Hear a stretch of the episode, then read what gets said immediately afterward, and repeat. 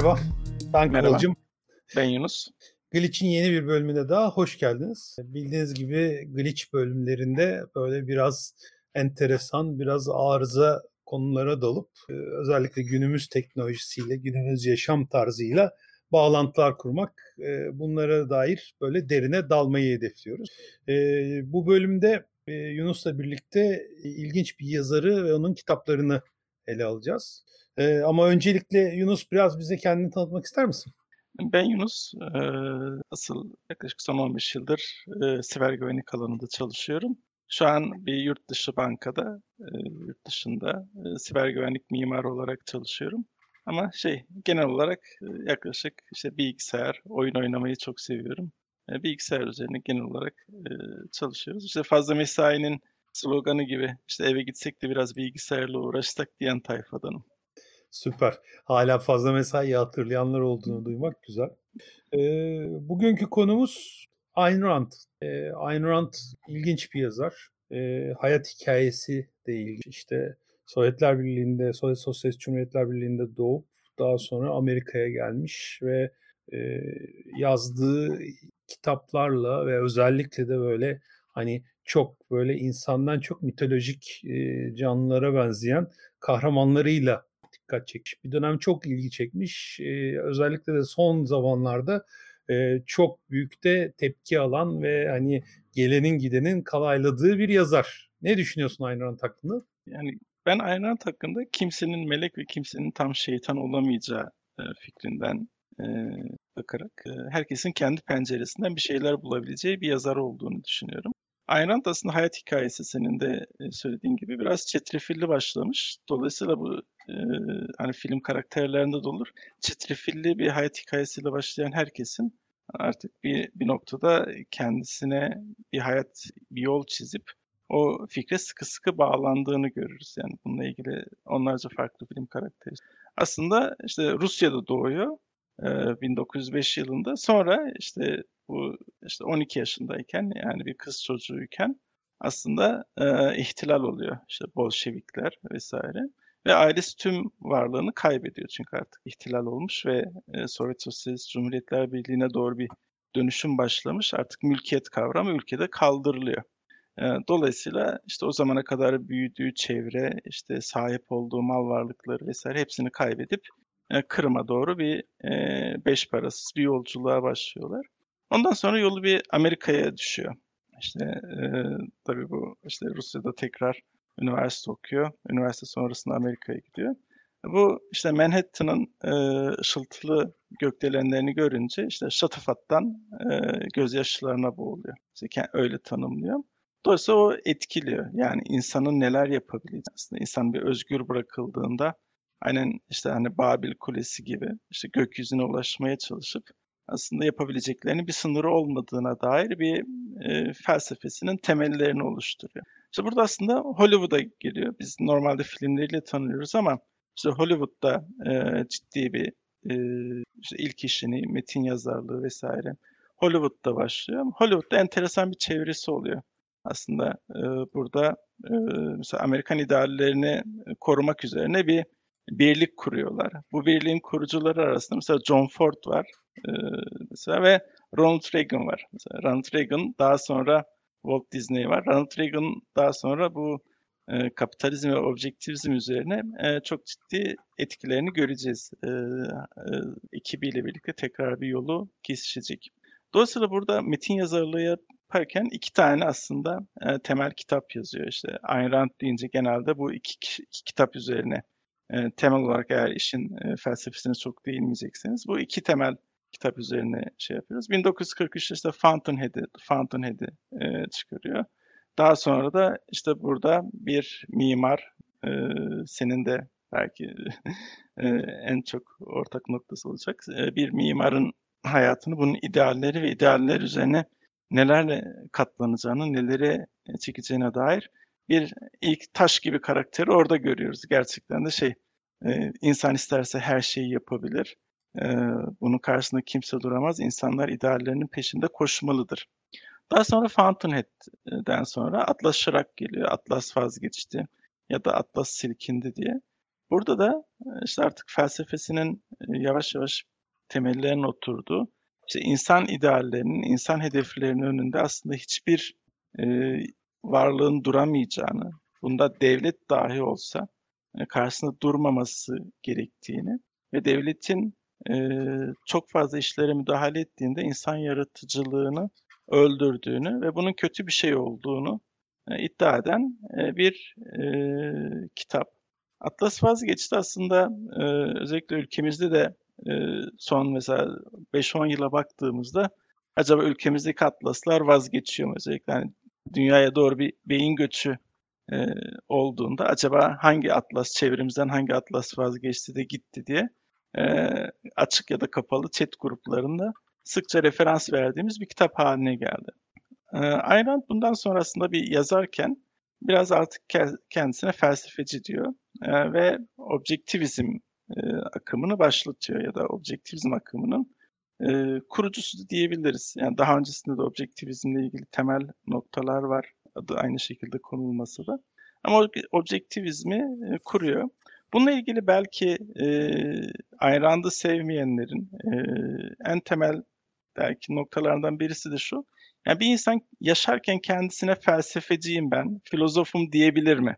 İşte filozofluk e, yaşarken bir insana atfedilir mi yoksa öldükten sonra ya bu adam iyi şeyler söylemiş. Bu insan tam da bir felsefeciymiş mi denir? Belki Ayn en büyük e, sıkıntılarından birisi, algılamadaki sıkıntılarından birisi. Yaşarken kendisine işte düşünen e, en büyük filozoflardan biri benim e, demesi e, ve bu payı kendine kondurması. Ya, tabii burada işte işin içerisine biraz bencillik giriyor. Aslında burada e, Ayn Rand karakterlerine baktığımızda e, bencillik kavramını öne çıkarıyoruz. Aslında burada biraz e, bencillik ve bireyselcilik arasında, e, bireycilik arasında bir e, ince bir çizgi var. Yani her şeyi kendimiz için mi istiyoruz yoksa e, kendimizi öne çıkarıp biraz aslında topluma da faydalı oluyor muyuz konusu. Yani objektivizm temelinde bu var. Aslında e, Ayn karakterlerine baktığımızda objektif insanın olağanüstü bir yaratıcı bir karakter olduğu, kahraman olduğu ve hayatın anlamı peşinde koşacağını, hayatın anlamını bulduğunda, faydalı olabileceği en iyi işi bulduğunda, bununla ilgili bir üretim yaptığında topluma en büyük faydayı sağlayacağını görüyoruz. Aslında seninle de bu konuşurken buraya gelmek istemiştik aslında. Ee, günümüzde işte bu kapitalizm dünyasında ya da e, Silikon Vadisi işte son 10-20 yılımıza dalga, dalga, damga vuran bu e, Silikon Vadisi aslında Ayn hayalini kurduğu şey mi? Şimdi hani Elon Musk'a diyoruz ya bir aslında tam bir Ayn Rand karakteri. Şimdi Elon Musk'ın e, tam bir Ayn Rand karakteri olduğunu söyleyebiliriz. Muhtemelen e, şimdi Ayn Rand bir kitap yazsaydı Elon Musk'ın hayatını temel alan, oradaki noktalara değinen bir kitap yazardı diye değerlendiriyorum. Doğru, doğru. Yani hani özellikle Atlas Shrugged'daki John Galt karakterine oldukça benziyor. Ee, ve hani e, gerek davranış tarzı gerek işte toplumu takmamasıyla e, onun böyle e, gerçek hayatta modellenmiş bir şekli gibi duruyor. E, burada Ayn Rand karakterlerinin enteresan bir ortak noktası var. Yani sanki işte bu Howard Rourke olsun, işte John Galt olsun, Dagny Taggart olsun, işte o Taggart demir yollarının veliahtı e, ya da işte o e, çelik fabrikasının başındaki e, abi olsun. Bunların hepsi e, böyle sanki hani bir e, kukla ustası tarafından hani el aynı işte çıkıp e, seslendiriyor gibi böyle. Ya bunların sesi benziyor falan diyorsun böyle. E, bu e, edebiyatta özellikle e, çok e, karşılaşılan bir ve hatta özellikle Türk edebiyatında biraz da böyle hor görülen bir durum. İşte e, Orhan Kemal, Kemal Tahir gibi yazarların tez roman yani hani kendi fikir fikrini, kendi yaklaşımını e, sanki böyle bir gerçeklikmiş gibi, böyle çok daha geçerli bir şeymiş gibi e, kahramanlarına söylettirmesi ve onların ağzından böyle bir çeşit propaganda yapması diye algılanıyor. E, ve bu e, Ayn Rand'da da oldukça üst seviyede. Yani özellikle bu iki kitabında çok vurgulayıcı bir şekilde e, kitabın kahramanları her şeye, herkese rağmen e, bir tez ortaya koyuyor. E, ve bu koydukları tezde işte bu objektivizm etrafında dönen hani e, bir taraftan bakınca işte o meşhur e, protestan ahlakına da atıflarda bulunan da yani ben hani işimi, görevimi en iyi şekilde yapayım. E, zaten iyi bir insan olurum. Hani bunu yaptığım zaman yaklaşımını sergileyen eserler. E, ben düşünüyorum şimdi işte yanlış hatırlamıyorsam 94'te filan okumuştum. Fountainhead'i. O zamanlar Kelepir diye bir kitap evi vardı. Böyle pek satılamayan kitapları kitap evlerinden toplayıp ondan sonra inanılmaz ucuz fiyatlara satıyordu. Oradan almıştım. Yani abartmayayım ama herhalde 10 kişiye daha aldırtmışımdır. Bir de o zamanlar senin dediğin gibi serde mimarlık okumak var. Mimarlık okuyoruz filan. Howard Rourke çok çarpıcı gelmişti. Çünkü e, kitapta e, enteresan da bir şey var, e, gelişim var. İşte Amerika'nın, e, burada çok kısa bir bahsetmek lazım. Amerika'nın e, mimari hayatı özellikle o işte 1900-800'lerin sonu 1900'ler o atılımların yaşandığı dönemde çok büyük oranda e, Yunan stillerini, klasik stilleri taklit etmek şey. Yani böyle işte e, Pantheon işte özellikle ön planda e, böyle Yunan tapınak şemasını bir şekilde e, binalara yerleştirmek. Özellikle başta da kamu binaları olmak üzere. E, bu hatta işte e, krevi falan yapıyorsunuz. Onun da böyle önünde kolonlar molonlar var böyle. Ulan nereden çıktı ne alakası var dediğin böyle şeyler çıkıyor. E, ama öyle bir tutku öyle bir hastalık olmuş ki yani hani klasik yaklaşımda bina yapmadığınız zaman garipseniyor.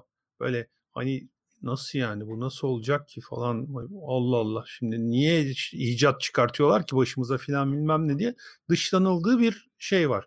Bu da da işte bir mimarlık öğrencisinin ki o zamanlar çok hani kendimizle özdeşleştiriyorduk.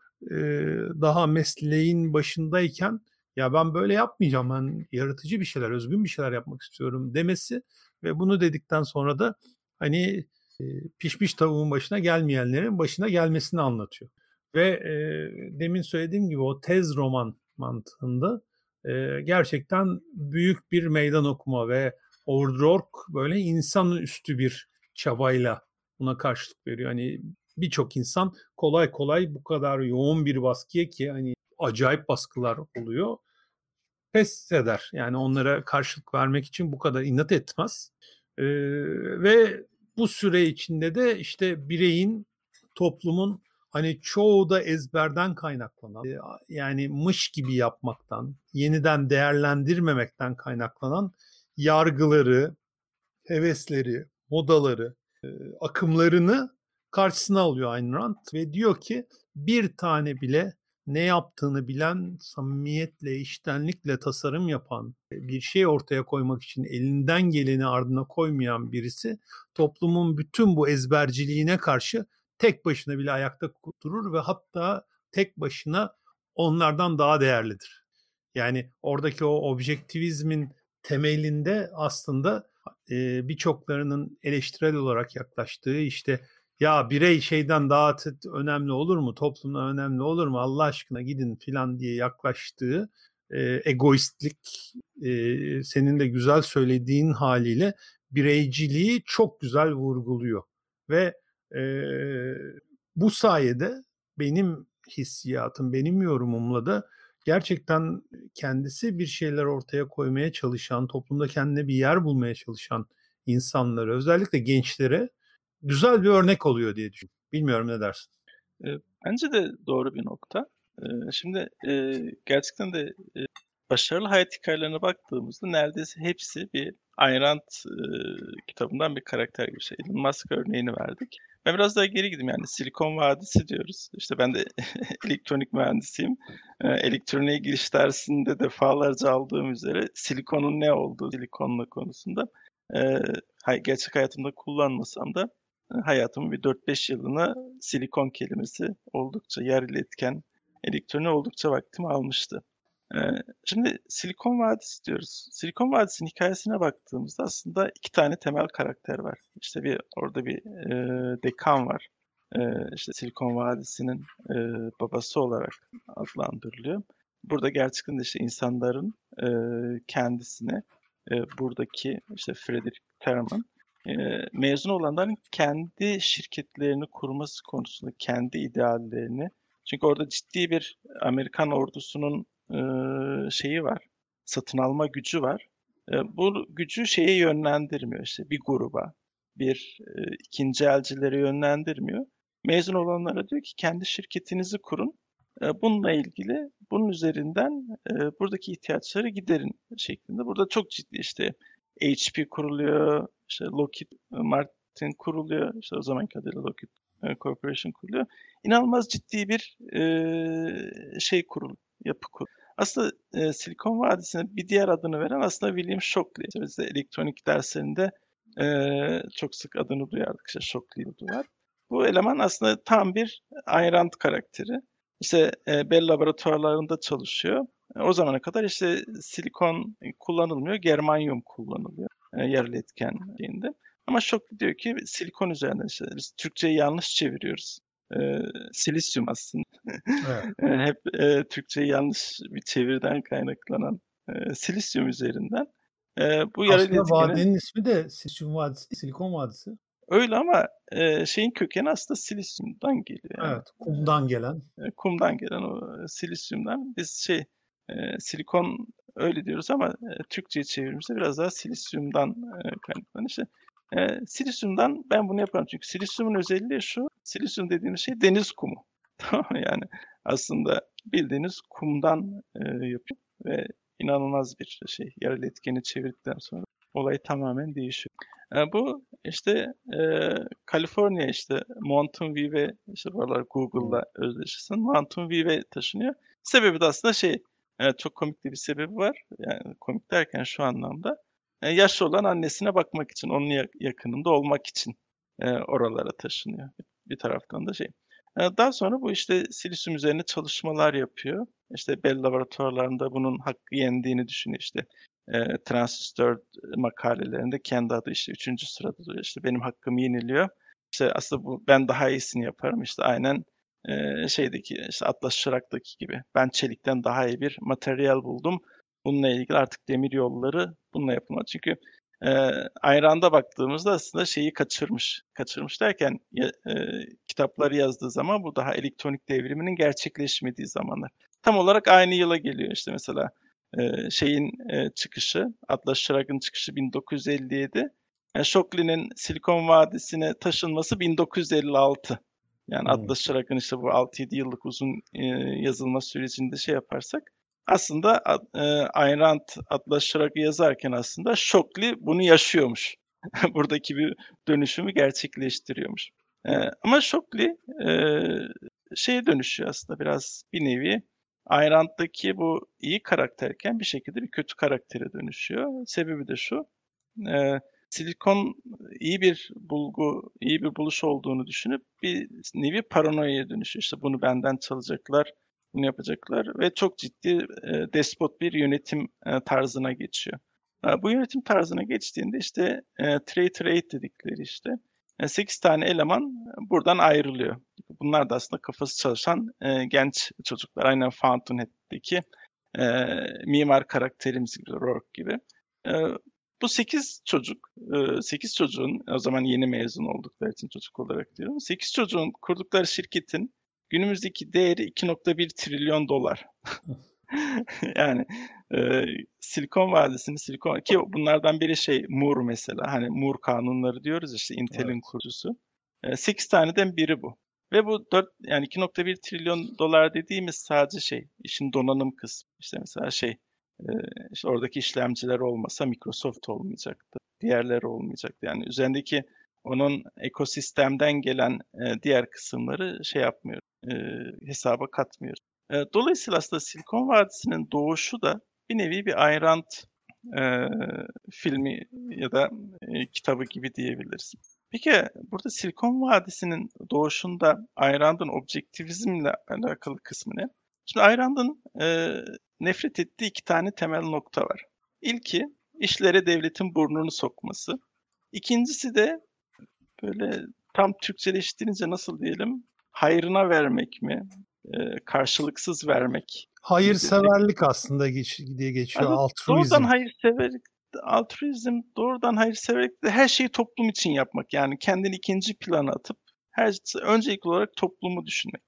Ee, yani kitap Ayn Rand'ın e, kitaplarındaki birincil günah. İşte her şey önce toplumu düşünürsen, bireyi ya da kendini ikinci plana atarsan sonra toplum için zararlı bir noktaya e, geleceği düşün. Hani burada biraz e, Ford'a da e, şey verelim. Hani diyor ya toplumun ne istediğini ya da insanların ne istediğini sorsaydım bana daha hızlı giden at isterlerdi benden. Evet. Dolayısıyla aslında biraz inovasyonu bloklayan, inovasyonu engelleyen bir toplum düşüncesi. Çünkü toplum ortalamadır.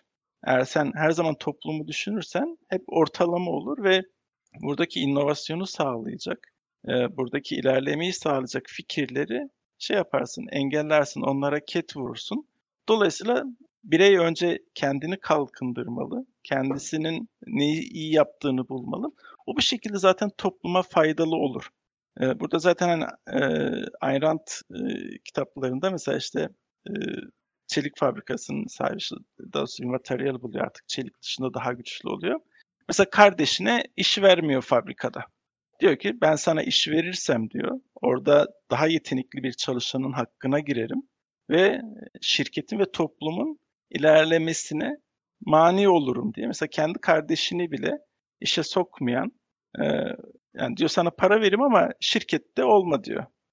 bir şekilde yani evet. o hakkını oradaki hakkını vereyim ama şirketin içerisinde olma diyor. Çünkü sen orada olduğun zaman hak birinin hakkını yiyeceğim ee, ve hani ülkemizde de son zamanların temel konusu liyakat ve topluma zarar vereceğim diyor. Yani bunu kendi kardeşi için söylüyor. İşte annesiyle sayfalarca süren tartışmalarını e, kitapta şey yaparız. Aslında e, konuşmanın başına belki kat bu çok fazla spoiler içerir e, diyecek dememiz evet, gerekiyor. Evet, spo- spoiler kısmı var ki evet. gerçekten masaya yatırıyoruz karakterleri ve işte Ayn Rand'ın genel yaklaşımını kitapların nereye gittiğini bile tahmin etmek bir miktar mümkün olur buradan.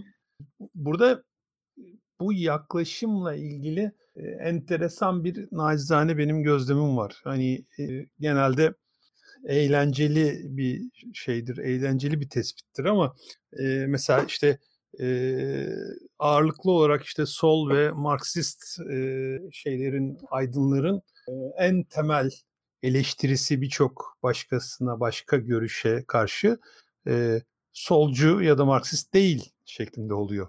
Yani hani e, burada da aynı anda gelen tepkilerden bir tanesi de açıkçası böyle. Yani hani kapitalizmi e, en serbest, en özgürlükçü e, yaşam tarzı olarak belirliyor.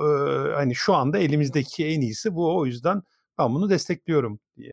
Ve e, bunu böyle benim görüşüm tabii nacizane düz bir okumayla ele aldığımızda e, bu sefer işte yani hani egoist, bireyselci, işte toplumu umursamayan da da da da da da da da da yani çok çirkin, kötü böyle işte berbatta insanları ön plana çıkartıyor ve bunları da kahraman olarak hani kitaplarında e, yüceltiyor ve böylelikle işte toplumu da kötü örneklere maruz bırakıyor gibi bir eleştiriyle karşı.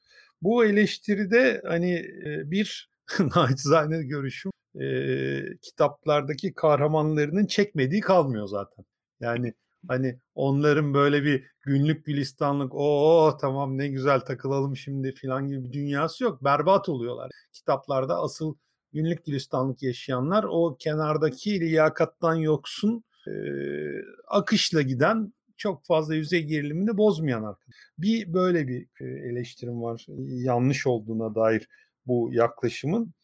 İkincisi de işte Türkiye'de maalesef ki e, özellikle 2000'li yıllarda e, Ayn Rand işte Ayn Rand kitapları filan akla gelince işte böyle hani artık popüler çevre işte popüler kültür kısmı da biraz ikinci plana düştü ama işte toplum figürü olarak bencilliğin şeyleri, figürheadleri işte Serdar Erener ve Sinan Çetin akla geliyor. Yani işte bu kitapların yayın haklarını alıp Türkçe'ye yeniden çevirttiler ve böyle o 2000'lerin başlarında özellikle çıktıkları her yerde işte ya çok ben yeni keşfettim bu aynı anda acayip bir şey falan bilmem ne diye böyle bir ciddi reklamını da yaptılar.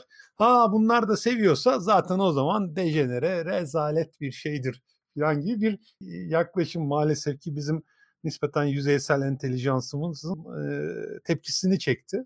E, ama gördüğüm kadarıyla yurt dışında özellikle Amerika'da da durum çok farklı değil. Orada da yerden yere vuruyorlar. Yani hani Ayn Rand mı? İşte 16-17 yaşlarında tabii herkesin hoşuna gider ama biraz böyle bir dünyayı anladıktan sonra nasıl büyük bir rezalet olduğunu görüyor olmanızı bekleriz falan gibi yaklaşık. Sen ne düşünüyorsun buna? Ayn Rand gerçekten hevestir geçer mi yoksa oradaki hani sonuçta Ayn Rand'ın peygamberliğinin peşinde de değiliz. Yani hani oradaki fikirlerden hoşumuza gidenleri alıyoruz. Bunlardan bahsediyoruz. Top şeyin konuşmanın başında da ya objektivizm de inanılmaz bir şey yani çok göz ardı ediliyor falan diye de girmedik. Objektivizmi savunuyor da o anlam değiliz ama bu kitaplarda takdire değer bazı fikirler olduğunu ve bu fikirlerin özellikle ülkemiz gibi liyakatın böyle garip karşılandığı, çok nadir e,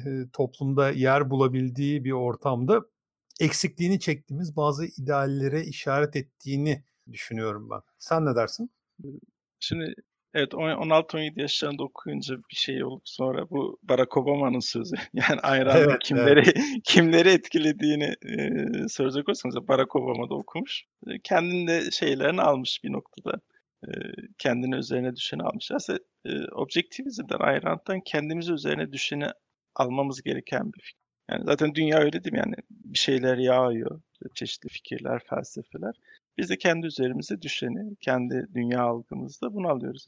Ee, sen Ayn işte şeyle tanıdın, Fountainhead'i okuyarak. Ben Ayn tanışmam biraz daha farklı. Ben Ayn Rand'la Bioshock oyunuyla tanıştım. İşte Bioshock oynadım işte o zaman PlayStation 3'te oynamıştım. Oyun oynadım ama oyunda bir şey var böyle. Ya bu oyun tek başına bir oyun değil. Arka tarafta bir felsefesi var bunun. İşte Bioshock hakkında da biraz spo- spoiler verelim. İşte aynen işte şey aslında ki Atlas Shrugg'daki e, karakterimiz aslında çok zengin bir iş adamı. Devletten e, bıkıyor devlet kavramından. E, parasını verip okyanusun altında sanatçılardan oluşan, işte fikir adamlarından oluşan bir şehir kuruyor. İşte bu Atlas Shrugg'daki işte buradaki e, yaratıcı insanların kaçtığı yer gibi. E, daha sonra burada işler çığırından çıkıyor. E, işte neden? Çünkü aslında bilim çok ilerliyor. Enteresan bir madde buluyorlar. Bu madde peşinde koşan işte Adam'da peşinde koşarken insanların aslında ahlaktan kopup nerelere işte orada e, küçük kız çocuklarını bir konak olarak o maddeyi e, bir çoğaltmak için konak olarak kullanmaları işte oradaki sanatçıların artık daha iyi gösteri sanatlarında gerçek insanların orasını burasını kesip sanat için yapıyorum ben bunu. Hani sanat toplum için midir, hmm. sanat sanat için midir tartışmasında kısaca bir girip sanatı ön, öne çıkarıp hiçbir şey başka hiçbir değer yargısını öne koymayıp. Çünkü e, yeraltı şehrine girdiğinizde işte e, şey yazar, çeliştirince tanrı yok, şey yok, krallar yok, sadece insan var. Yani senin sadece özgür düşüncen var. Rapture'a girdiğinde, Rapture'ın girişinde yazan konu o. Zaten oyun seni onunla karşılayınca şey anlıyorsun. Burada bir altta bir şeyler yatıyor, bir felsefesi yatıyor. Ayran'ın Türkiye'de biraz tutmamız sebeplerinden birisi ya da insanların rahat rahat savunamaması sebeplerinden birisi bir ateist olması. E, ikincisi de Ayran'da savunan insanlarla yan yana görünmemek istemek. Şimdi Ayn işte Türkiye'de kimlerin savunduğunu söyledin. Amerika'da Ayn karakteri işte Tea Party ile ya da e, Cumhuriyetçilerle e, anılıyor. Mesela Ayn belli Cumhuriyetçi karakterleri seçim e, çalışmalarında da desteklemesi var. Ama oradaki konu mesela Ayn da Cumhuriyetçilerin e, din e, takıntısını destek. Tamamen de karşı yani. Aslında Ayn Rand'la biz cumhuriyetçileri yan yana koyuyoruz ama Ayn Rand da kendini cumhuriyetçilerle yan yana koymuyor. Evet. E, dolayısıyla e, orada da bir nokta var. E, işte günümüzde işte Ayn Rand e, açısından temel sıkıntı e, mesela e, Amerika'da en sevilmeyen başkanlar bizimki ne kadar ilgilendirir bilmiyorum. Sıralamanın başında belki Ronald Reagan gelebilir. E, Ronald Reagan konusunda e, mesela sen Ronald Reagan'la aynı kafada mısın? Aynı şeyleri mi savunuyorsun? Ee, işte Margaret Thatcher'la işte Demir Lady'yle aynı aslında, şeyleri mi taşınıyorsun? Aslında İnsanlar şeyde, bundan çok korkuyor. Popülerlikte aslında orada ilginç bir detay daha var. Popülerlikte Ronald Reagan gelmiş geçmiş en popüler başkanlardan bir tanesi. Fakat demokratların en nefret ettiği var. evet. Yani hani e, ve entelijans da işte entelektüeller de böyle ağırlıklı olarak e, sol cenapta olduğundan dolayı böyle hani sen yine arkadaşlar arasında oy vermedim dersin modunda bir şeyle kendilerini kurtarmaya çalışıyorlar. Çünkü aslında çok komik yani bir taraftan da aynı Ayn Rand muhabbetine geliyor. Yani e, böyle çok güzel buraya o örtüşen laflar var. Mesela işte klasikler e, herkesin okumuş olmayı isteyeceği ama kimsenin okumadığı kitaplardır diyorlar mesela. Yani hani e, burada da benzer şekilde Ayn Rand veya herhangi biri mesela Ayn Rand'ın birçok fikirleri e, Emmanuel Kant'tan e, Hume'den şeye yola çıkmış fikirler. E, ayrıştığı yerler var ama temelde aynı şeylerle başlıyor yola. E, ama bunlara itiraz ederken böyle gerçekten düşünerek, ederek ya tamam bak böyle böyle böyle düşünmüş bunu demiş ama bak burada da tutarsızlık var. Şurada söylediği şey bu söylediğiyle uymuyor. Bu nasıl bu ne periz, bu ne lanet uçtu filan gibi yaklaşımlar getirip oradaki tutarsızlıkları ortaya koymak biraz ders çalışma gerektiriyor. Biraz e, kafayı kullanmayı gerektiriyor. Öte yandan bunu böyle işte ya bırak ya hani devlet yardımı da neymiş bilmem ne filan falan diye söyleyip ondan sonra çıkıp kendi yaşlılığında işte e, muhtaç duruma düşünce bayağı almış o yardım. Yani hani bu, bu bundan büyük tutarsızlık mı? İşte bu hani yazık bir yaklaşım. Ee, niye yazık bir yaklaşım? Çünkü bir e, filozof tabii ki söylediği şeylerle tutarlı yaşamak zorundadır ama çaresiz kalmış ve zor durumda olan birisinin böyle bazı ilkelerinden vazgeçiyor olması ne o ilkeleri zayıflatır ne de o kişiyi değersiz birisi haline alır. O sadece zor bir duruma düşünür söyler. Bunun en güzel örneklerinden bir tanesi benim çok sevdiğim işte Stoa felsefesinin duayenlerinden Seneca e, Seneca işte anlatıyor işte yani böyle siz işte kontrol edebileceğiniz şeyleri kontrol edemeyeceğiniz şeylere çok üzmeyin kendinizi. İşte e, çok da rahata alışmayın falan filan ama kendisi acayip şahşa içinde, lüks içinde enfes bir hayat sürmüş. Ve e, bir gün bir yerde yüzüne vuruyorlar bunu. Diyorlar ki işte hayırdır hani sen böyle böyle diyorsun ama her ne kadar sinikler kadar da olmasa da stoacılarda çok böyle süper rahat bir hayat, rahata alışmama konusunda şeyler hassaslar. Sen böyle diyorsun ama yani sürdüğün hayatın bununla alakası yok. Bu ne periz, bu ne lanet diyor. O da diyor ki ben çok iyi bir stoa uygulayıcısı değilim. yani hani bu, bu işinin bir de böyle bir miktar kendisiyle barışık olması, şey olması lazım. Öte yandan bir eleştiri getirirken de aynı Howard Rourke'da geçti gibi işte bu mimari eser kötü. Niye kötü? E çünkü klasik değil. Yani hani Yunan tarzını, Dor tarzını yansıtmıyor. Dan öteye gitmek lazım. Gerçekten kötüyse işte bunun planı kötü. İşte böyle rahat bir ulaşım yok. E, pencereler yeteri kadar ışık almıyor. İşte mekan kurgusu saçma. Aptal aptal koridorlar dolaşıyoruz falan gibi böyle gerçekten alan bilgisi gereken bu tür eleştiriler olması. Aslında bizde yani sende ve bende yani Ayn Rand'la ilgili bir program yapalım e, diye bu düşüncenin çıkma sebeplerinden bir tanesi de gelenin gidenin bilenin bilmeyenin saydırması. Birazcık buradan yola çıktı. Evet. Yani Ayn Rand şöyle insana sorumluluk veriyor. Sorumluluk verip karşılığını almasını bekliyor. Her insanın bir sorumluluğu var. Hani bunu topluma karşı sorumluluk değil de kendine karşı bir sorumluluk. Şimdi kendini nasıl mutlu olacağını, kendisiyle ilgili bir arayış içinde olmasını bekliyor. Yani o sorumluluğu veriyor ve karşılığında da bir e, o mutluluğu bulacağına inanıyor yani. Biraz hani günümüzde de var ya böyle e, şey e, kodlama öğren, yapay zeka öğren, bir şekilde bir noktanı bulursa. Biraz e, şeyi tamamen dışarıda bırakıyor. İşte doğduğun çevre, senin o bilgisayara erişimin var mı yok mu? Ya dolabında yiyecek şey var mı yok mu? Ailenden sana ne gelmiş? Şimdi Ayran şöyle hani bir nevi e, kendi hayatını kendisi kazanmış. İşte çocukluğundan e, işte devrimle her şeyini kaybetmiş. Amerika'ya gelmiş, sıfırdan bir hayat kurmuş. Hollywood'un yakışıklı bir aktörüyle evlenmiş ve orada da kendine iyi bir çevre kurmuş. E, ben yaptıysam herkes yapabilir noktasında.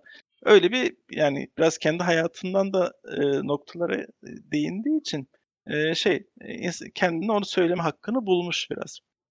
Dolayısıyla aynat konusunda en çok tartışılan konulardan birisi senin de değindiğin konu işte devlet yardımı alması işte bir ciddi bir rahatsızlık işte ömrünün son yıllarında biraz devlet yardımına muhtaç kalması. Bu ayran konusunda işte ne yapmalıydı? Ayran e, mülkiyeti çok önem veriyor. Hem fiziksel olarak çok önem veriyor. Çünkü ben kazandım. bir parçası olarak tamam Tabii ki.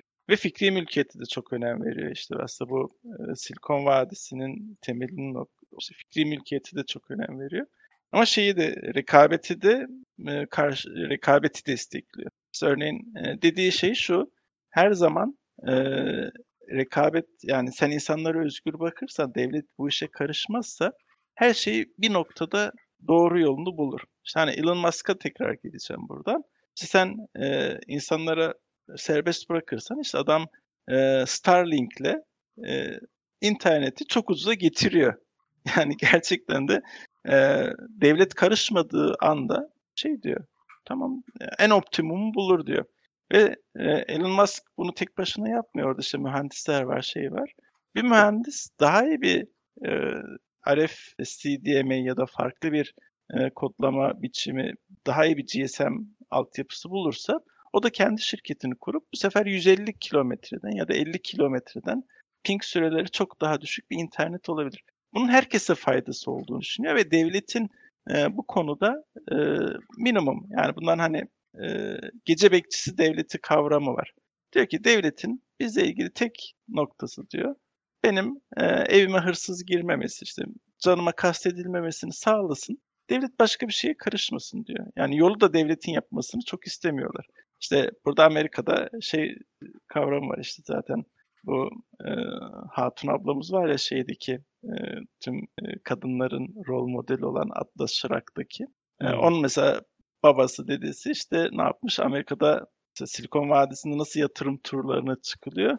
İşte adam kasaba kasaba gezip kendi demir yolu için fon toplamış birisi. İşte demir yolunu bile devleti yaptırmıyorlar. Demir yolunu bile işte fon toplayarak o demir yol üzerinden ne kadar şey geçeceğini, tren geçeceğini hesaplayıp bakın bu rotayı böyle çizdim e, şöyle istimlak yapacağım, böyle kam şey yapacağım, kamulaştırma kelimesini kullanmak istemiyorum.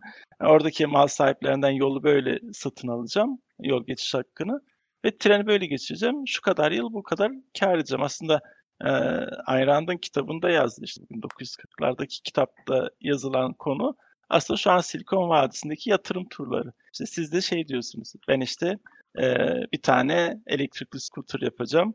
İnsanlar buradan buraya gidecek e, bu konuda e, işte şu kadar insan kullanır. O zaman bana bir 10 milyon dolar, 20 milyon dolar verir misin?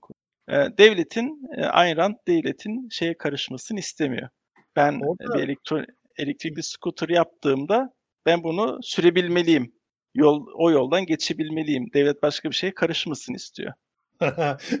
Direkt akla malum laf geliyor işte. Dev, devlet başı kuzgun leşe yani bizim girişimcilerimiz de e, tam tersini savunuyor bir tarafta. E, burada ilginç şeyler var. Mesela e, işte bu demir yolunun özel olması. Türkiye'de özel demir yolu var mesela biliyor musun bilmiyorum. Arkas Holding İskenderun limanına bir demir yolu hattı çekmiş zamanında. Ve e, hakikaten e, yük taşımacılığını hani şeye e, Anadolu'ya gemiden gelen şeyleri içeriye nakletmek için e, İskenderun Limanı'nın üstünden böyle bir şeye e, normal tren hattına bağlayan attı. E, Arkas Holding'miş ve e, çok da ilham verici bir şey. Öyle e, gerçekten e, verimlisi iyisi buysa e, ticari olarak da iyisi budur gibi. Öte yandan bir başka ilginç kavram var. İşte Amerika'da e, meşhur işte bu demir yollarının işte Amerika'nın demir ağlarla örülmesi işini yapan e, senin dediğin gibi girişimci böyle abiler var ve bunlar e, bayağı bir yarış halinde hatta Redkit'e falan da konu olur işte o tren yolu iki uçtan başlıyor birleşmesi noktası önemli filan falan e, ve gerçekten ticaretin canlanmasını hatta işte Amerika'nın içlerine medeniyetin ulaşmasını sağlamışlar ama bu e, sanayicilerin, bu tren yollarını yapan e, girişimci sanayicilerin bir başka ismi daha var. E, hırsız baronlar diye de geçiyorlar. Robber barons geçiyorlar ve e, özellikle işte 200'lerin ortalarından 1900'lerin ortalarına kadar e, işte Vanderbilt, Gold, işte Rockefeller, Carnegie filan bunların ünlüleri. Çünkü söz konusu şeyi yaptıklarında, söz konusu altyapıyı oluşturduklarında bu sefer buna öyle bir çöküyorlar ki hani kimse nefes alamaz hale geliyor. E, hali hazırda bir demir yolu var. Alternatif bir demir yolu yapma işi çok şey hani e, meşakkatli ve ya üç kuruş bir fazla para verelim de buradan yürüsün demek daha tercih edilen bir şey. Ama e, onun üstünden geçen bütün şeyden de nemalanıyorlar. Şimdi bu akla direkt olarak e, modern IT dünyasında, e, app dünyasında bir şeyleri getirdi mi senin aklına? E, kafam gibi bir şey. yani hani e, onların ortaya büyük beşli.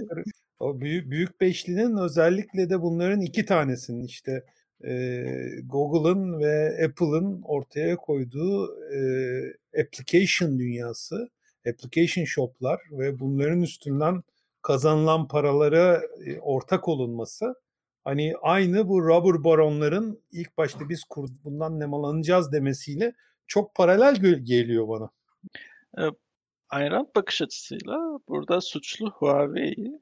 E, çünkü senin elinde o kadar mühendis varken, o kadar beyin varken ikinci elci, second handci, elden düşmeci olmayıp o inovasyonu Huawei'nin sağlaması gerekiyor. İşte adamlar o yasak getirene kadar Huawei kendi Apple Store'unu, App Store'unu, App Gallery yanlış hatırlamıyorsam, App Gallery'yi oluşturmadı.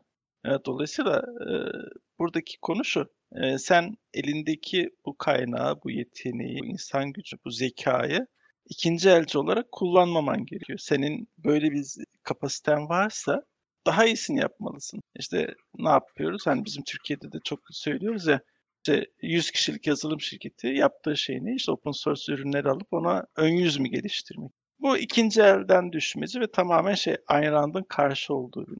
Şimdi Ayn Rand konusu e, bizim ülkemizdeki e, sıkıntı yani biraz önce dedik yani ya devlet başa ya kuzgun neşe.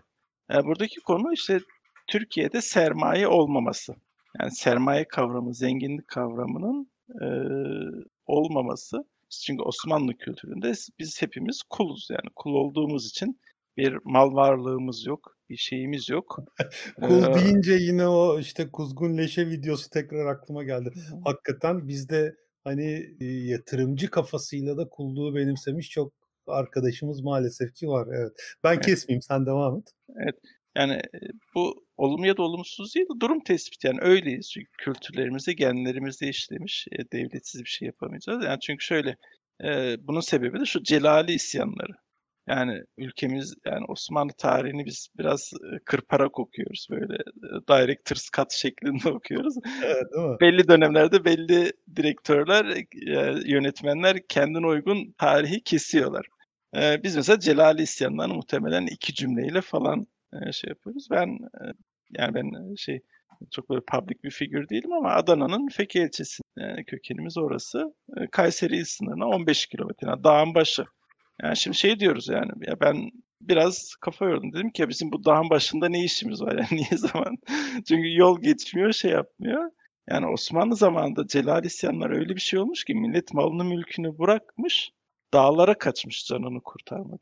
Hatta şey hikayeleri var. Böyle eşkıyalar geldiğinde millet çoluğunu, karısını, kızını yerin altına gömüyormuş. Bir kamışla hava almasını sağlıyormuş. Şimdi böyle devletin e, devletle iç içe geçmiş, devletin korumasına bu kadar muhtaç bir toplumdan başka bir atasözü çıkmaz. Ayn Rand çıkmaz bizden. Bizden çıkacak atasözü ya devlet başa ya kuzgun leşi olur. Yani bizden Ayn Rand çıkmaz. Dolayısıyla bizden Ayn Rand çıkmayacağı için bizden Silikon Vadisi'nin çıkması konusu da benim hep kafamda e, takılan konulardan birisi. E, Ayn Rand felsefesinde işte biraz önce e, burada hani Amerika'da da temel e, şey şu tartışmalardan birisi bu. İşte toplum ve devlet ilişkisi. Mesela bizim Türkiye'de çok güzel bir sağlık sistemimiz var. E, gerçekten de harika bir sağlık sistemimiz var. İşte hastanelere gidebiliyoruz, şey yapabiliyoruz.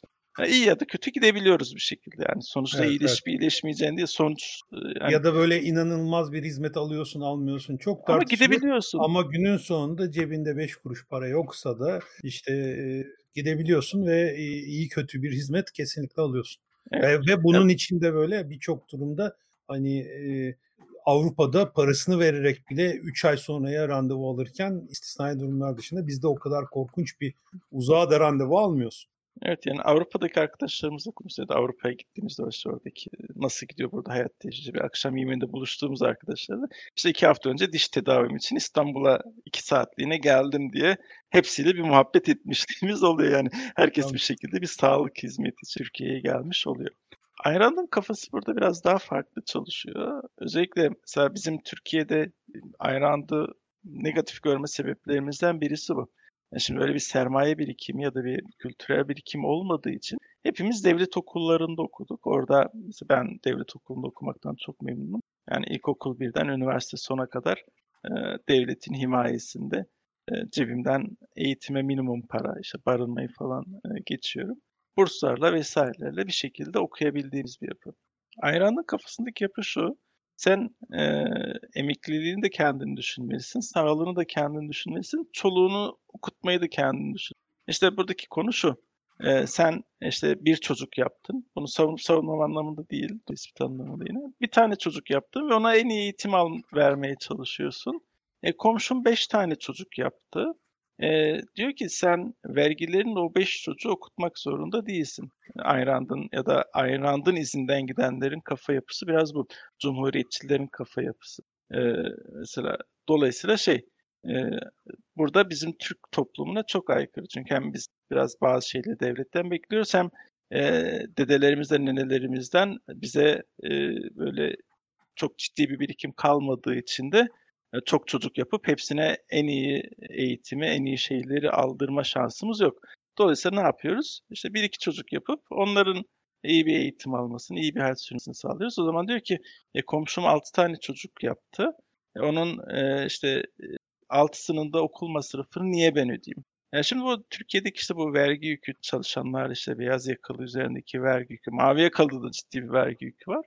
Ee, işte Amerika'da şey e, diyor ki yani bu inovasyon sonucunda oluşacak zenginlik topluma e, çalışarak dağılsın. Yani işte burada e, biraz or, oradaki yükümlülüğü sana veriyor. Emekliliğin için para biriktireceksen sen biriktir diyor.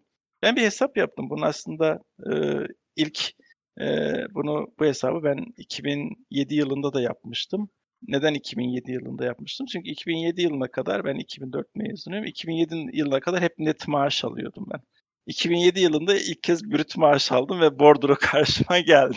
Evet. o bordrodaki kesintileri görünce Ayrand'ı o zaman okusaydım çok daha farklı e, düşüncelere şey yapabilirdim. Aslında e, Ayrand kafası şunu diyor. Devlet senin hakkını senin için bu sağlık yatırımını ya da emeklilik yatırımını yapmak zorunda değil diyor. Ya ben bu podcast öncesi kısa bir hesaplama yaptım. 10 bin lira e, brüt maaş alan birisinin işte 25 yaşında 10 bin lira brüt maaş aldığını düşünelim. Mühendisliğinde ya da e, işte beyaz yakalı bir şey. Yani sence 65 yaşına kadar e, mesela o e, birim fiyatla devleti ödediği sigorta primi ve gelir vergisi nedir biliyor musun? Yani bu tür rakamlar genelde üssel hale geldiği için evet. tahmin etmek çok gerçekçi olmuyor. Hiç ee, hiç faiz gelir ya da hiçbir gelir olmazsa 1 milyon 640 bin lira sen devlete para ödüyorsun 40 yıl boyunca. Eğer bunu yıllık %5 getirisi olan bir yatırımda faydalandırırsam da 4 e, milyon 952 bin lira yani eski parayla 5 trilyona yakın. Şimdi Türkiye'de hangi emeklinin 5 trilyonluk bir birikimi oluyor? Ve bu şey, bu aslında bu birikim kendi parasından değil yani sadece devlete verdi. Yani aslında biz devlete 5 trilyon lira para veriyoruz. 10 bin lira brüt maaş kazanıyor. Peki o devlet o 5 trilyon parayı benim neyime harcıyor? Yani benim güvenliğimi sağlamak ve şey e, bu kadar ma- masraflı bir şey. İşte kişi başı 5 milyon lira. Dolayısıyla ya aynı o, yaklaşımında biraz şey. Çok değişik şeyler de devreye giriyor. Yani hani e, bu böyle ben bu parayı buraya vermeyeyim kendi başımın içerisine bakayım dediğin noktada e, hani bunun disiplinini yaparsın yapmazsın o tamamen bireye kalmış. Onunla ilgili hiçbir şey söylemiyorum ama çok basit bir örnek vereyim. Bir tek bireyin ekonomiye kazandırılması yani yetişkin haline geldiği zaman makul mantıklı bir işe girebilmesi ve bu işte çalışarak devam etmesinin e, Amerikan toplumuna e, ekonomik faydası 500 bin dolarmış. Tamam mı? Böyle bir istatistik var. Bu da şeyden dolayı.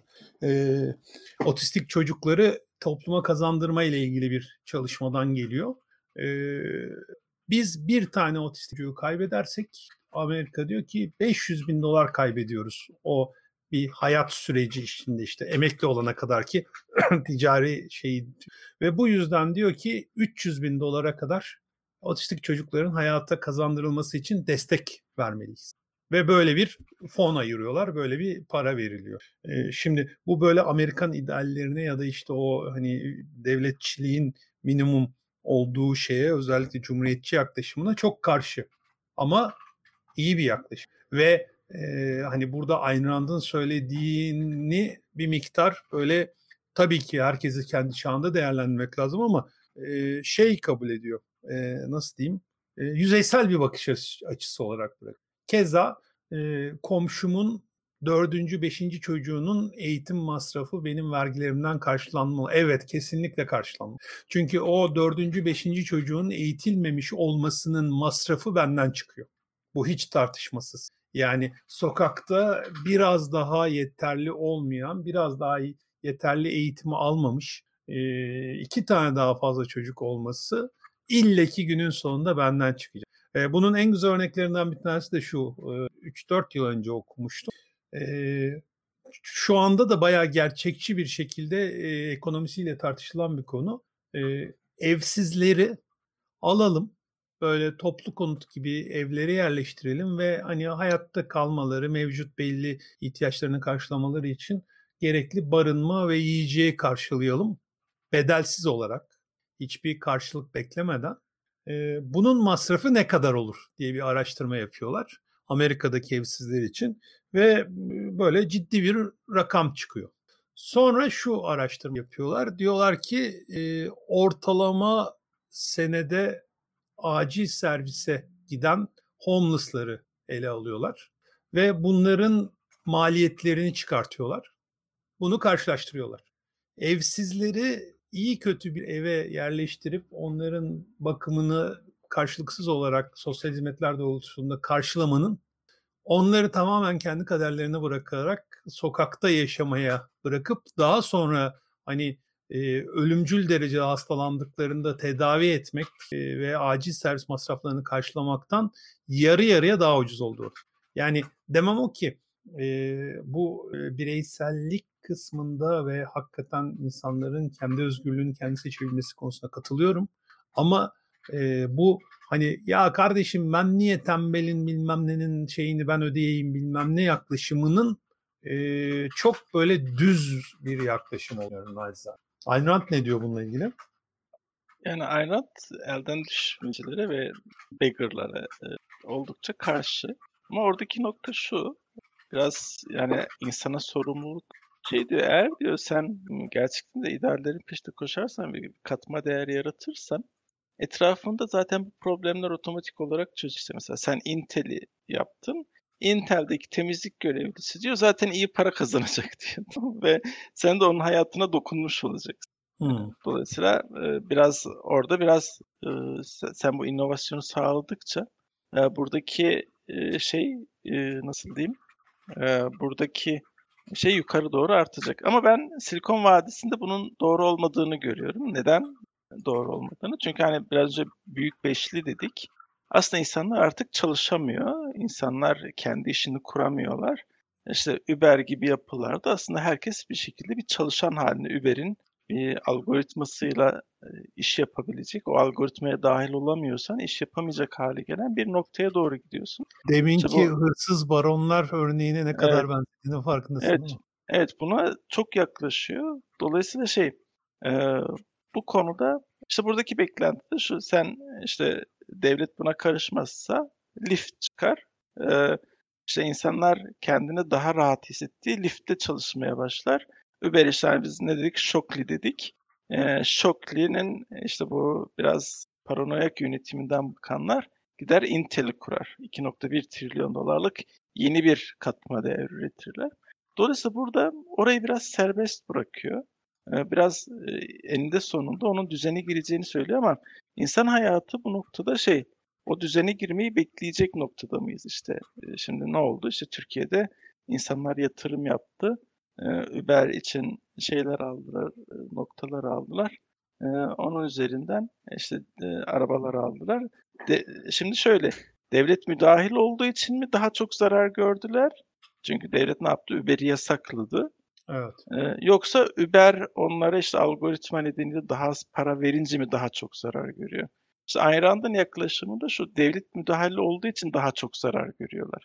Devlet müdahale olmasa piyasa bu el kendini bir şekilde çözer.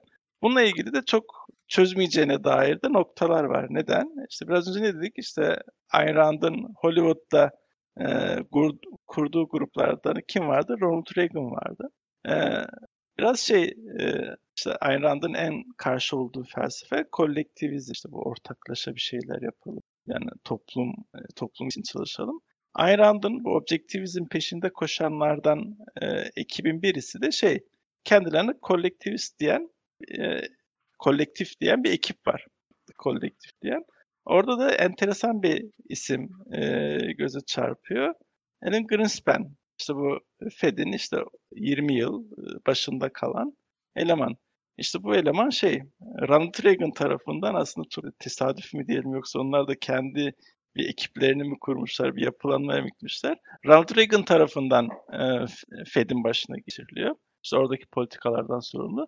İşte Alan Greenspan de hem e, ilk dot-com bubble'ın hem de bu 2008'deki mortgage krizlerinin sorumlusu olarak görüyor.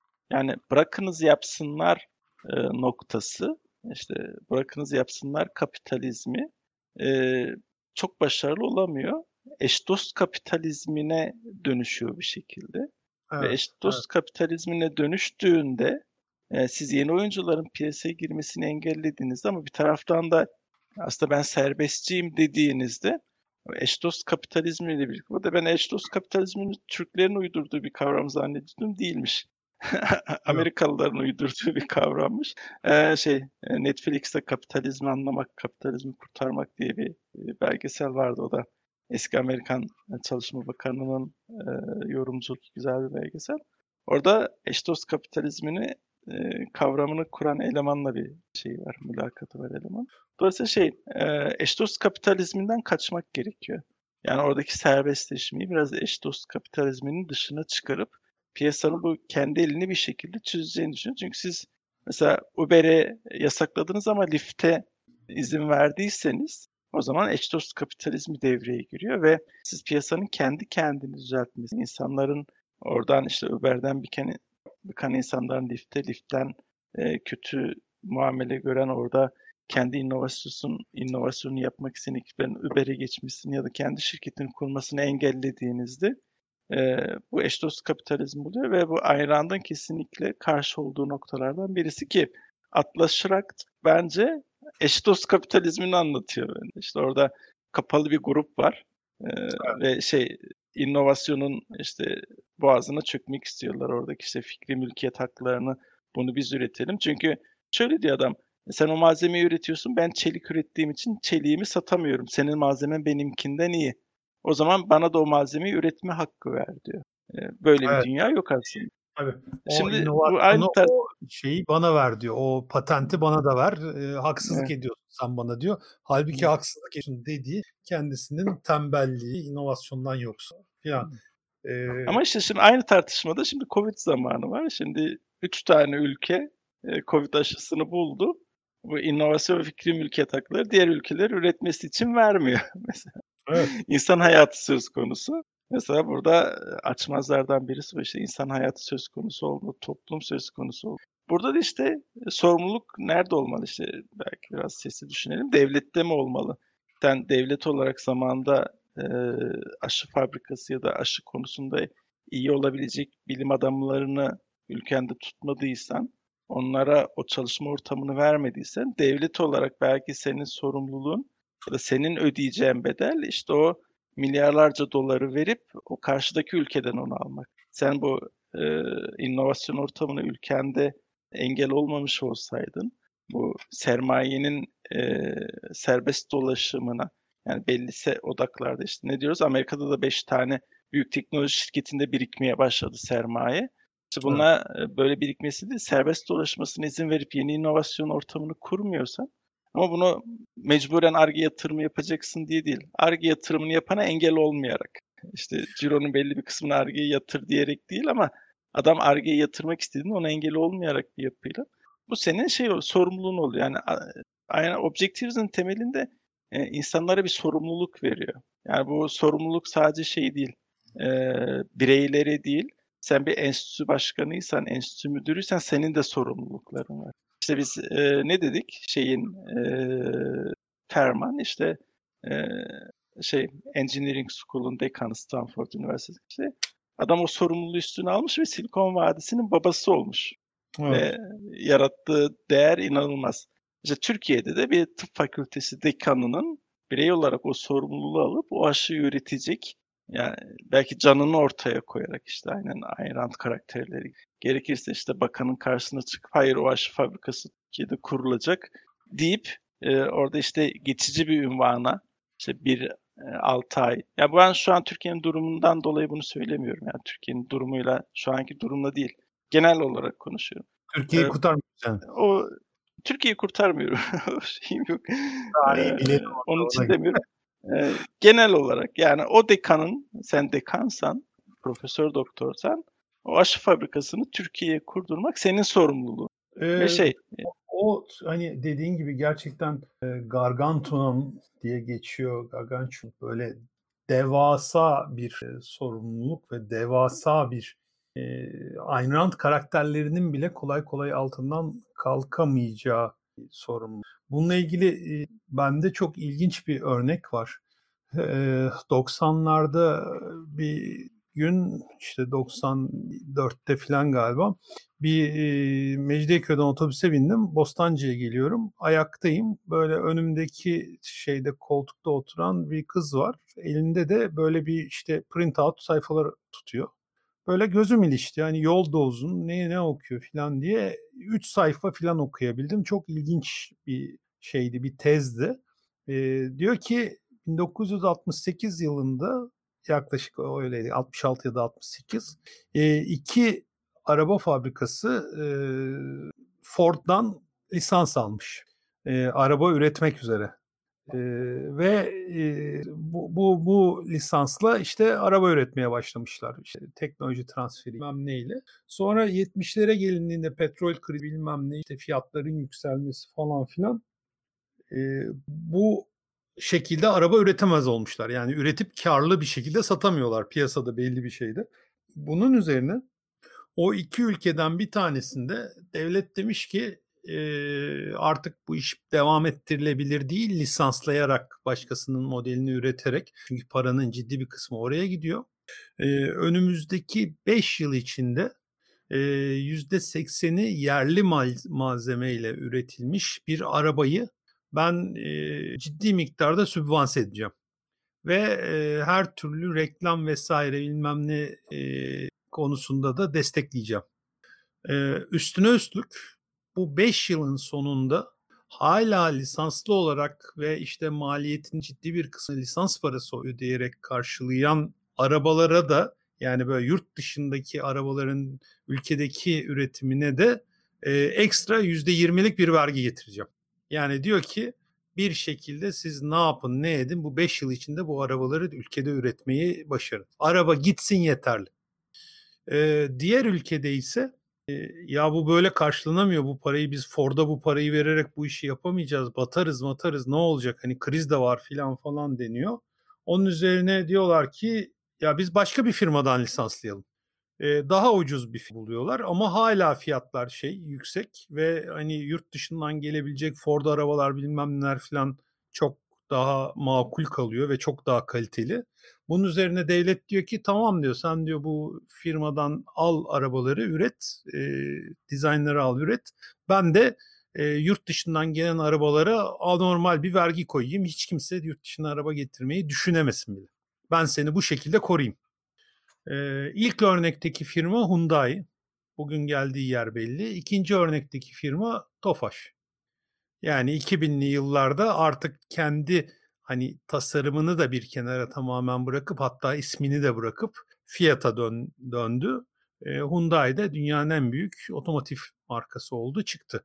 Şimdi e, bu türden bir devlet müdahalesi e, ne kadar iyidir? Bu, bu arada şey yani bu iş yapılırken de e, Güney Kore e, askeri darbe ile gelmiş hükümet tarafından geliyor. Cunda ile yönetiliyor ve hani bu şekilde devam ediyor. E, ama gel, son noktada işte 2000'li yıllara geldiğimizde inanılmaz bir yerdeler. Hyundai dünyanın en büyüğü falan filan.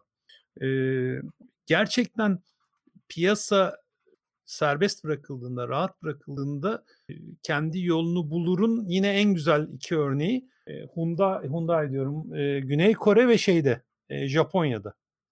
Güney Kore'de toplam ülkenin e, gayri safi milli hastasının ülkede dönen paranın ticaretin yüzde 36'sı Samsung'un elinden geçiyor.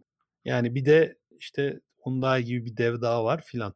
Ama toplamın %36'sı toplam ülkenin milli gelirinin %36'sı Samsung tek bir firmadan karşılanıyor. Bu acayip bir şey. Japonya'da bunun tam tersi. Japonya'da da hiçbir şirket hiçbir endüstri alanında kendi alanının %20'sine sahip değilmiş. Yani her alanda 5'in üstünde firma var ve hepsi %20'nin altında şeylerde ve bu bu da böyle dengelenmiş vaziyette. Yani biri mükemmel şey ekonomisi, serbest piyasa e, ki Japonya'nın ne kadar mükemmel olduğu da tartışılır bir taraftan.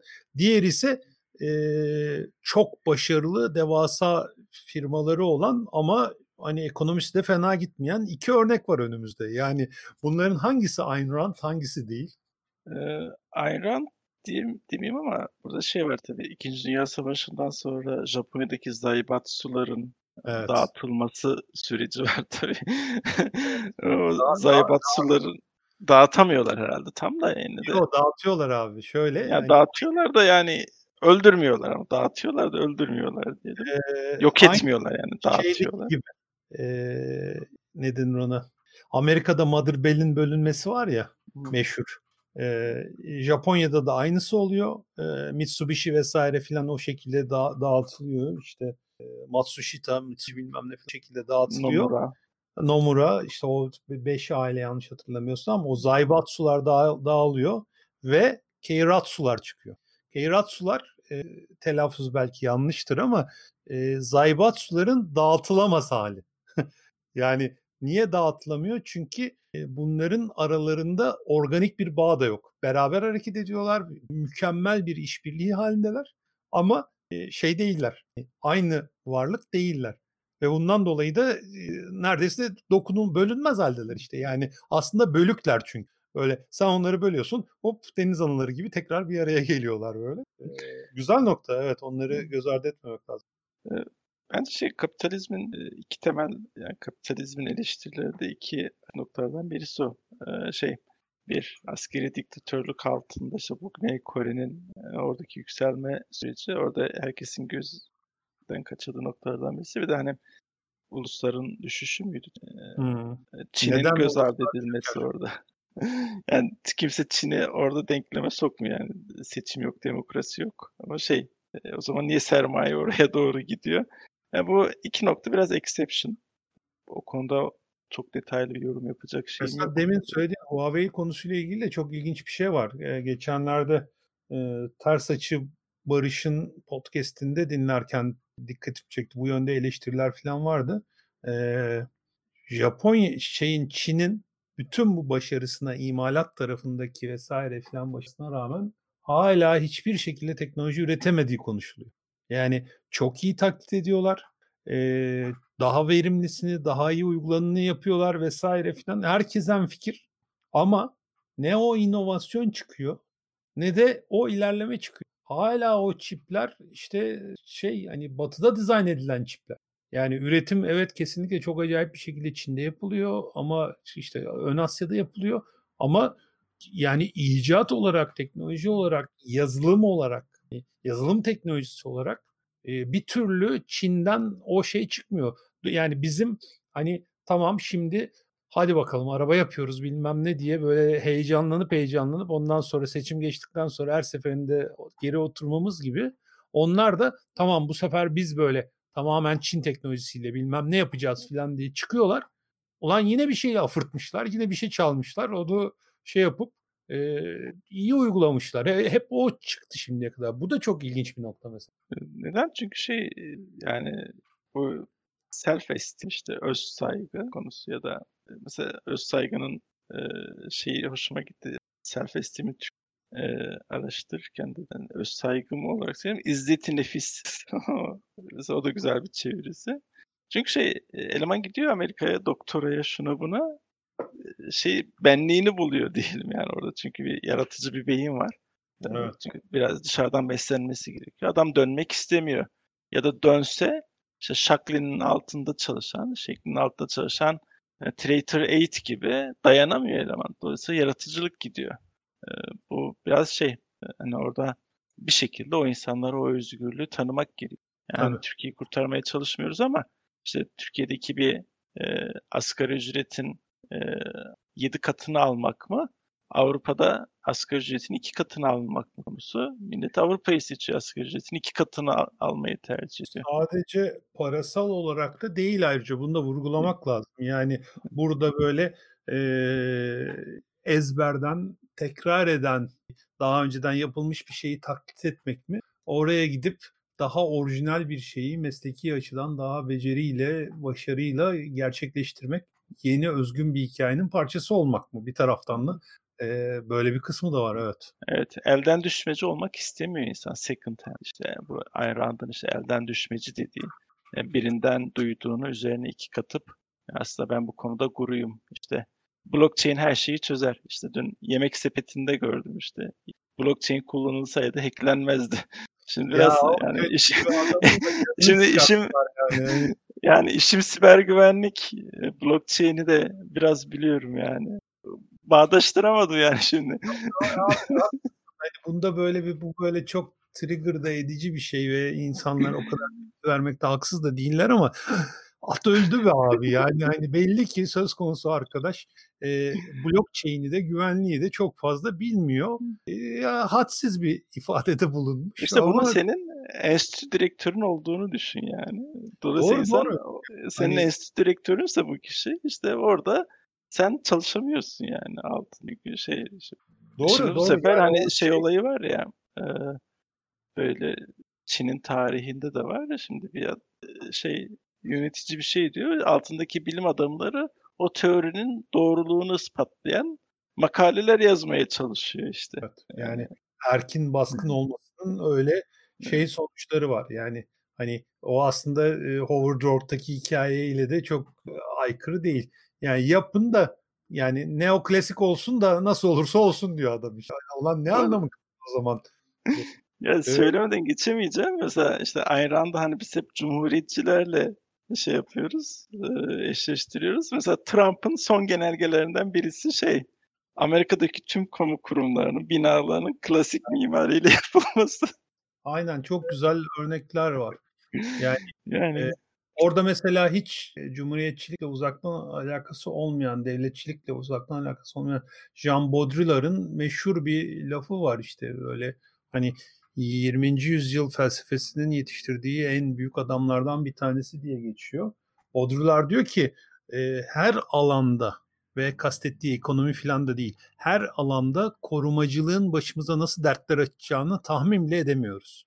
Buna çok benzer bir şeyi değişik bir yoldan Nassim Nicholas Taleb de söylüyor. İşte Antifragile'da çok vurguluyor. Çok kısa bir örnek vereceğim. İşte yıllar önce Baudrillard'ın bir kitabında okumuştum. Ee, işte 80'li yıllardan itibaren çok korkunç ve hiçbir şekilde önlenemez orman yangınları çıkmaya. Dünyanın her yerinde hani gelişmiş ülkelerde daha çok çıkıyor ama işin garip yanı. Daha az gelişmiş ülkelerde daha az var. Gelişmiş ülkelerde çok var filan. Bunu araştırıyorlar ciddi bir şekilde. Ya niye böyle oluyor? Hani biz tarihte hiçbir zaman olmadığı kadar iyi yangın kontrolüne, ekipmana, işte alarm sistemlerine sahibiz ama tarihte de hiç görmediğimiz gibi yangınlar görmeye başladık. Hayırdır? Yani birileri kundaklıyor mu hani e, komplocular hemen şey yapıyorlar. Hillary Clinton ve onun kaçakçılık şebekesi yapıyorlar bunu. Bunu araştırdıklarında görüyorlar ki 70'li yıllardan itibaren orman gözlem teknikleri ve işte teknolojileri çok gelişmiş ve en ufak bir yangın olduğunda hemen müdahale edip söndürüyorlar. Dolayısıyla normalde işte 5 yılda, 10 yılda kendi kendini yenileyen küçük küçük yangınlarla temizlenen orman tabanı bu sefer bunun 4 katı, 5 katı süre temizlenmeden duruyor ve petrol gibi oluyor inanılmaz o yapraklar, ölü ağaçlar, hayvanlar vesaire filan ormanın zemininde özellikle de işte çok uğranılmayan orman böyle bayağı e, yakıt çıra gibi oluyorlar kurudukça da ve o alev aldığında bir daha hiçbir şey onu söndüremiyor. Normal diğer yangınlarda kendi kendine çıkan yangınlarda ise zamanında çıkan yangınlarda ise e, yaş ağaçlar, canlı ağaçlar pek bir zarar görmüyor. Ormanın zemini temizleniyor ve sönüyor daha sonra. E, fakat bu işte 30 yıl, 35 yıl beklemenin sonunda çıkan yangınlar e, hiçbir şekilde engellenemiyor. Ve bunun üzerine 2000'lerde bir karar alıyorlar ve diyorlar ki insan eliyle çıktığından emin olmadığımız hiçbir küçük yangına müdahale etmeyeceğiz. Yani e, korumacılığın aslında sadece e, ekonomide vesaire değil diğer başka alanlarda da bize ne tür e, hiç tahmin etmediğimiz, öngörmediğimiz durumlarla bırakabileceğine, karşı karşıya bırakabileceğine en güzel e, örneklerden bir tanesi. E, Benzer bir durumu finansta yakın zamanda göreceğiz. Yani bunları tahminler yapılıyor. İşte aslında batması gereken ya da yanması gereken şirket biz krediyle yüzdürüyoruz. Yani yanmalarına izin vermiyoruz. İşte oradaki insanlar işini kaybetmesi, ekonomi şey olması işte belli bir yüzde bir yüzde. Biz onu biriktiriyoruz yani şu an işte şirketleri bir kredi sarmalına, yani bir oradaki ona bağımlı hale giriyoruz ve şu an o aşağıda bir şeyler birikiyor. İşte bu biriken şey ne olacak? Büyük bir yangın mı olacak? 2002 kriz gibi global iklim bir yansıma olacak. Yani dolayısıyla işte burada yani e, devlet işte insanların işini e, kaybetmemesi için oradaki e, kapitalizmin e, doğasına müdahale edip aslında verimsiz şirketlerin hayatta kalmasını sağlamalı mı? Bu hep e, konuşuluyor bir şekilde bunlar yani işte insan eli değdiğinde yani çok e, ekonominin de bir doğası var. Ee, senin dediğin gibi işte şey öngöremeyeceğimiz şeyler oluyor. Ee, yani aynı şey şuraya da gider işte belli bir yaşın üstünde bir miktar ikiden üçten fazla hastalığı olan yaşlıları hayatta tutmalı mıyız?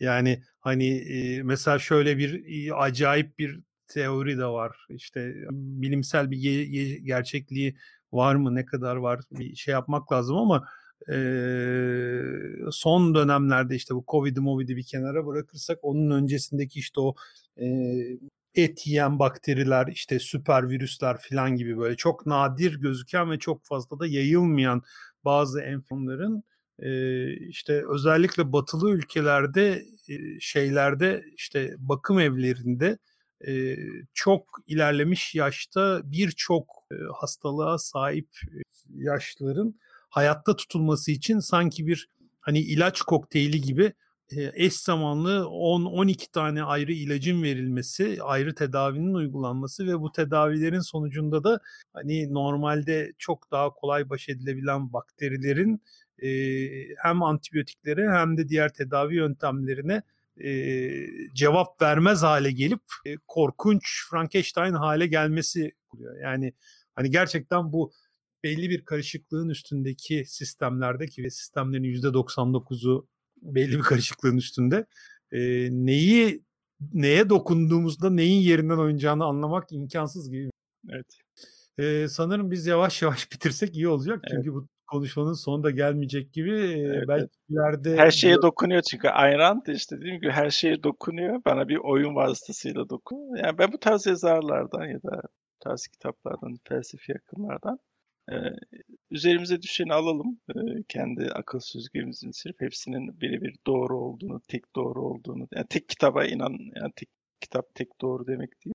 O yüzden benim yaklaşımım o. Ayn Rand'dan kazandığımız şeyler var. İşte ben son cümlem şeyden gelsin, Bioshock oyunundan gelsin. İşte Ayn Rand'ı tanımama sebep olan oyun.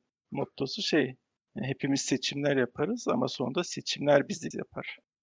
Güzel güzel kapanış oldu. Ee, ben de işte şey AD&D dünyasından böyle oradaki işte bu bugün tartıştığımız konuların temelinde de o yatıyor aslında işte e, lawful kanuna topluma şey uygun toplumun insanın önünden geldiği e, nötral ve kaotik diye üç alignment vardır işte. E, özellikle AD&D'de karakterleri seçerken bir de bunların işte evil'ı nötrali ve good'u vardır işte alignment'ı ona göre seçersin işte neutral good dersin. Bu böyle hani toplum da değil, karakter de değil ama işte herkes eşit dengeli olmalı.